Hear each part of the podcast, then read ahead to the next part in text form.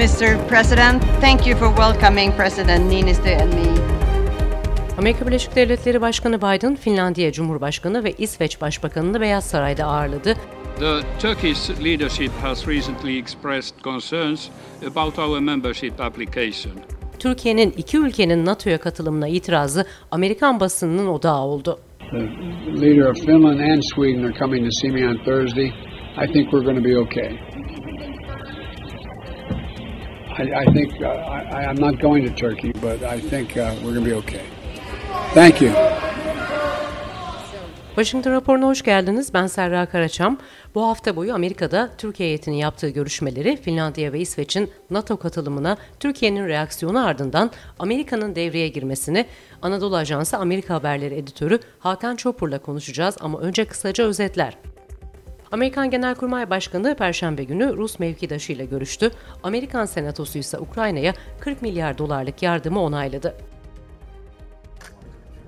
Today we had Finland and Sweden submit their applications, and this, of course, is a process, and we'll go through that process. Türkiye Dışişleri Bakanı Mevlüt Çavuşoğlu, Amerikalı mevkidaşı Antony Blinken'la görüştü. Görüşme, F-35 programı ile ilgili gelişmeler ardından kurulan stratejik mekanizmanın ilk bakanlar düzeyinde görüşmesi oldu. New York'ta gerçekleşen Blinken-Çavuşoğlu görüşmesi öncesi Dışişleri Bakan Yardımcısı Sedat Onalsa Washington'da temaslarda bulundu. So, um, if Turkey decides that they're going to block Finland and Sweden from joining NATO, do you think that an F-16 deal should go through? Finlandiya ve İsveç liderlerinin Biden görüşmesi sonrası Perşembe günü Beyaz Saray Ulusal Güvenlik Danışmanı Sullivan Kore'ye giderken Air Force One'da kendisine Türkiye'nin Finlandiya ve İsveç'in NATO üyeliğini engellemesi durumunda bir F-16 anlaşması yapılmalı mı şeklinde soruya ise meselelerin temelde Türkiye'nin Finlandiya ve İsveç'e karşı dile getirdiği endişelerle ilgili bir mesele olduğu yanıtını verdi. Sullivan bu bir Amerika meselesi değil, meselenin bu iki üyeyi ittifaka dahil edilecek şekilde çözülmesini istiyoruz ve bunun olacağına eminiz. Varsayımların türevleri hakkında düşünmemiz gereken bir noktaya geleceğimizi sanmıyorum ifadelerini kullandı.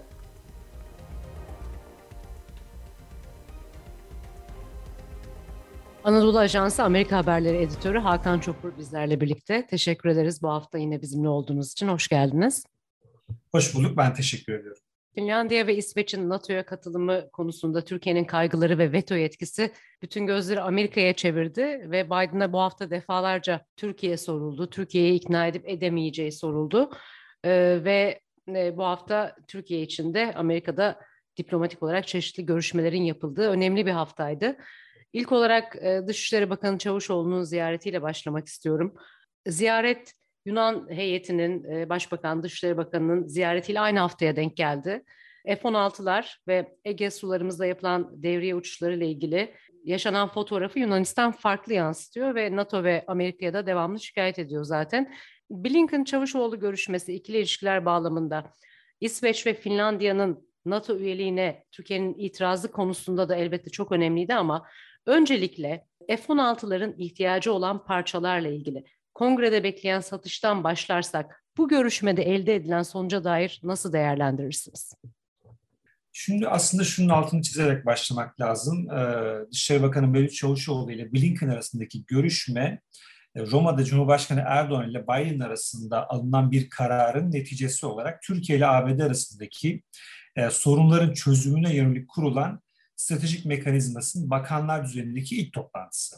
Şimdi bakan yardımcıları düzeyinde Ankara'da e, ilk toplantı yapılmıştı ama bakanlar düzeyindeki ilk toplantı. Bunu açıkçası ben hani Yunan Başbakanı Mitsotakis'in buradaki temasları vesaire bundan ayrı olarak değerlendirmek gerektiğini düşünüyorum. Tarihlerin e, aynı haftaya denk gelmiş olması hani buradan özel bir anlam çıkarmamızı bence gerektirmiyor. O yüzden bunları ayrı değerlendirmek gerekiyor. Dolayısıyla Çavuşoğlu Amerika'ya New York'a gelirken Birincisi Türk-Amerikan ilişkilerindeki temel sorunların nasıl çözülebileceğine ilişkin bu stratejik mekanizma bağlamında belli başlıklarla gelmişti ki hani artık bu sır değil. bu başlıkların şu anda en sıcak olanı F-16 konusuydu aslında. son 15-20 gündür Finlandiya ve İsveç'in NATO üyeliği konusu da Türkiye bağlamında bu kadar hızlı bir şekilde gündeme gelince biz aslında Sayın Bakan'ın New York temaslarına F-16'nın yanına bir de e, İsveç ve Finlandiya'nın NATO üyeliklerini eklemiş olduk. Dolayısıyla Türk-Amerikan ilişkilerinde hani iki bakan oturdu ne konuştular, ne sonuç çıktı diye baktığınız zaman tabii ki e, hani o e, yaklaşık bir saatlik görüşmede pek çok detay konuşulmuştur ama ağırlıklı olarak birincisi e, F-16'ların satışı konusunda ne aşamadayız? Pozitif bir gidişat var. Burada somut olarak hangi adımlar atılıyor, atılabilir? Bunların konuşulduğunu. İkinci olarak da İsveç ve Finlandiya'nın NATO'ya üyeliği sürecinde Türkiye'nin beklentileri, Türkiye'nin güvenlik endişeleriyle ilgili gündeme getirdiği talepleri ve bu sürecin nasıl NATO içerisinde bir kırılmaya neden olmadan ilerleyebileceğine ilişkin ben yani bu konuların konuşulduğunu düşünüyorum. Zaten Sayın Bakan'ın açıklamalarından da bunu görebiliyorsunuz. Somut olarak baktığınız zaman bir kere görüşmenin çok pozitif geçtiğini hem Blinken'ın açıklamalarından hem de Sayın Bakan'ın açıklamalarından görebiliyorsunuz. Burada iki ülkenin de mevcut problemleri, mevcut sorunları çözme iradesini ağırlıklı olarak ortaya koyduklarını görebiliyorsunuz. Bu önemli bir bence yaklaşım. Çünkü hatırlayalım yani son 4-5 yıldır, 3-4 yıldır özellikle biz Türk-Amerikan ilişkilerinde hep krizleri, hep sorunları, hep yaptırımları vesaireleri konuştuk. Özellikle tabii S-400 vesaireden sonra. Ve çok negatif bir, hani kara bulutların olduğu bir e, ajanda vardı önümüzde. Son aylarda ise tabii ki bunun e, somut görünen ana nedeni Rusya Ukrayna Savaşı ve Türkiye'nin buradaki pozisyonu, oynadığı rol. E, bu anlamda Türk-Amerikan ilişkilerinde bir pozitif anlamda bir seyir e, söz konusu. Ve dediğim gibi hani iki bakanın toplantısında bu e, pozitif, olumlu havanın yansıdığını gözlemliyoruz. Sayın Bakan'ın ifadelerine bakarsınız. F-16 konusunda çok pozitif şekilde bir hani ilerleme niyetiyle bunları konuştuk dedi, detay vermedi. Fakat biz zaten e, Biden yönetiminin kongreye gönderdiği F-16 mektubundan da işte geçen ay yaklaşık 400 milyon dolarlık işte F-16 parçalarının satışına ilişkin gönderilen ne diyelim gayri resmi gönderilen bilgilendirme notundan da şunu anlıyoruz. Zaten Biden yönetimi bu konuda şu anda pozitif ajanda içerisinde. Bunun Çavuşoğlu ile Blinken arasındaki görüşmede böyle pozitif bir havada ele alındığını anlıyoruz. Bu somut bir şey. Şimdi evet. İsveç, İsveç Finlandiya konusunda ise oraya Türk gelmeden Çavuşoğlu'nun ziyareti Peki. kapsamında başka bir şey sormak istiyorum. Oradan evet. sonra diğer konuya geçelim isterseniz. Hem bugünkü ziyaretler Beyaz Saray'daki. Birleşmiş Milletler Uluslararası Göç Gözden Geçirme Forumu olarak çeviriyoruz. Bu foruma katıldı Dışişleri Bakanı Mevlüt Çavuşoğlu ve burada önemli mesajlar verdi. Özellikle Suriye ile ilgili sivillerin geri dönüşünün engellendiğini PKK ve YPG tarafından hatırlattı bir kez daha. Geçen hafta sonu Amerika'da yine bölgede 12 alanda ekonomik faaliyetleri serbest bırakan bir lisans duyurulmuştu. Amerika ile Türkiye bu konuda ortak nokta yakalamış görünüyor mu? Uzun vadede nasıl bakıyorsunuz buna? Bence henüz gözükmüyor. Yani ABD'nin YPG politikasında ya da Suriye yönelik politikasında henüz pozitif anlamda bir değişme biz görmüyoruz açıkçası. Bu son verilen e, yaptırım muafiyeti konusunda da bunu gözlemleyebilirsiniz. Sonuçta oraya yapılacak yatırımların neredeyse tamamı bir şekilde YPG'ye dolayısıyla PKK'ya yarayacak konular. Bu bakımdan ABD yönetiminin e, hani dedik ya stratejik mekanizma iki ülke arasındaki sorunların çözümüne yönelik kurulmuş olan ortak irade platformu aslında. Bu noktada mesela F-16 konusunda nasıl somut bir adım atıldığını, bir takım e, meselelerin ilerlediğini söylüyorsak, YPG konusunda ise henüz bu noktada somut, olumlu, yapıcı bir adımın atıldığını biz henüz görmüyoruz.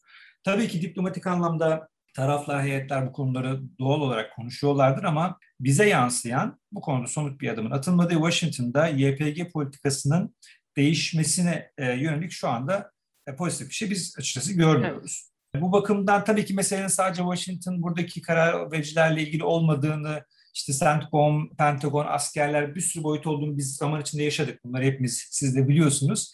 E, ama dediğim gibi yani YPG konusunda e, henüz çok gerideyiz. Evet.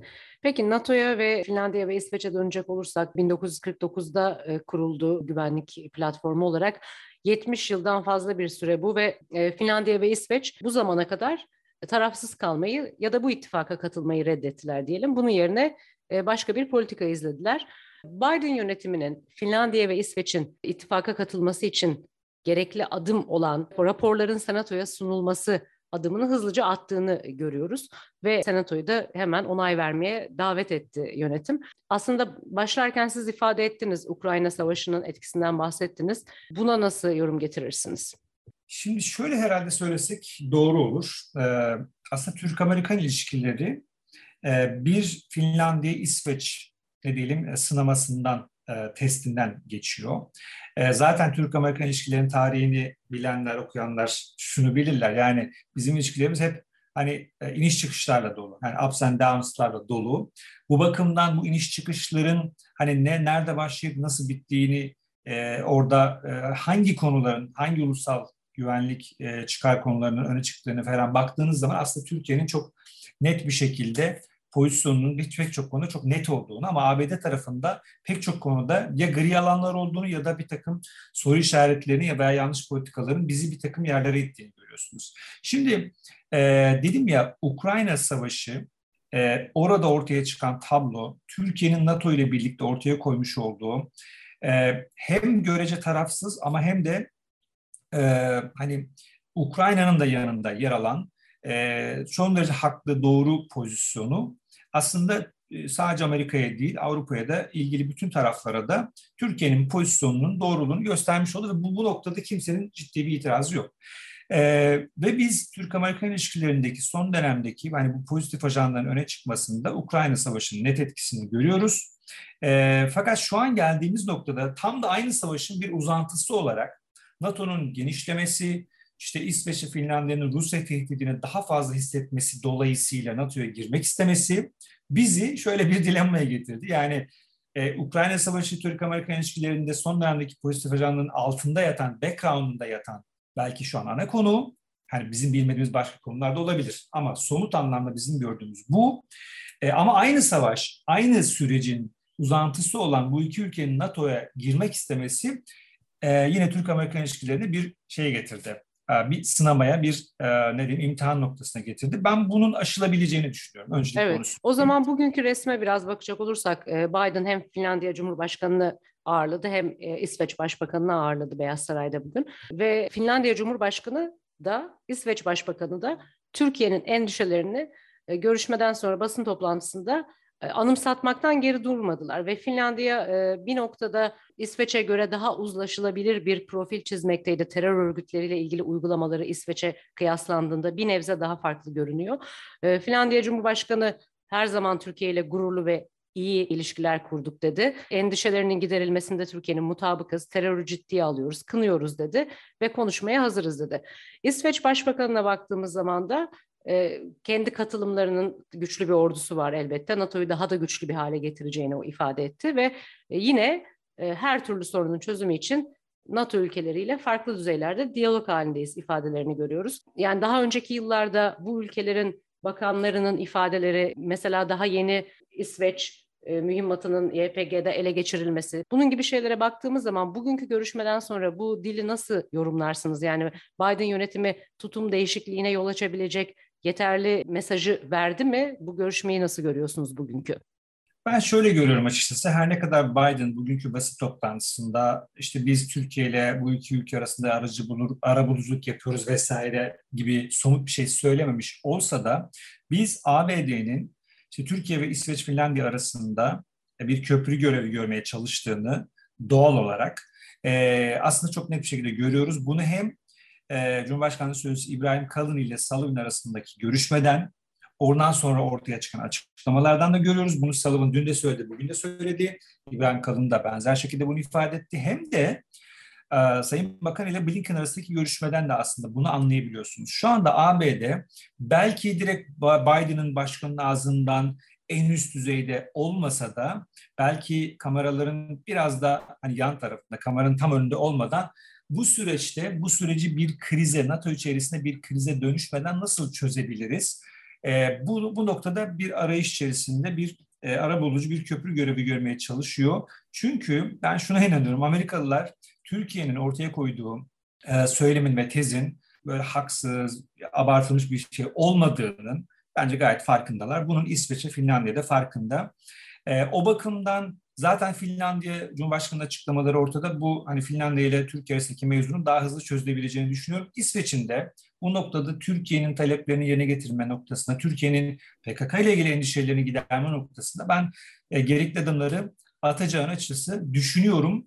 E, bundan önceki süreçte hani bu ülkelerin e, hani YPG'si baktığınız zaman daha az önce konuştuk. Amerika bugün halen aslında YPG'ye destek veriyor. Yani belki doğrudan silah yardım yapmıyor ama ekonomik anlamda orada YPG'nin örgütünün varlığını sürdürmesine yarayacak unsurları halen oraya gönderiyor. O bakımdan biraz da bu e, maliyetten yorulduğunu da söyleyebilir miyiz Amerika'nın aslında? Bu son kararın arkasında da bu yatıyor olabilir mi? Yani onu bilmiyorum açıkçası. Onu söylemek için erken şundan dolayı sonuçta e, orada iki boyut var. E, tabii ki halen DAEŞ e, unsurlarının orada işte YPG elindeki hapishanelerde tutulması vesaire olduğu için kongrenin de onayladığı Pentagon bütçesi içerisinde belli bir pay ayrılıyor.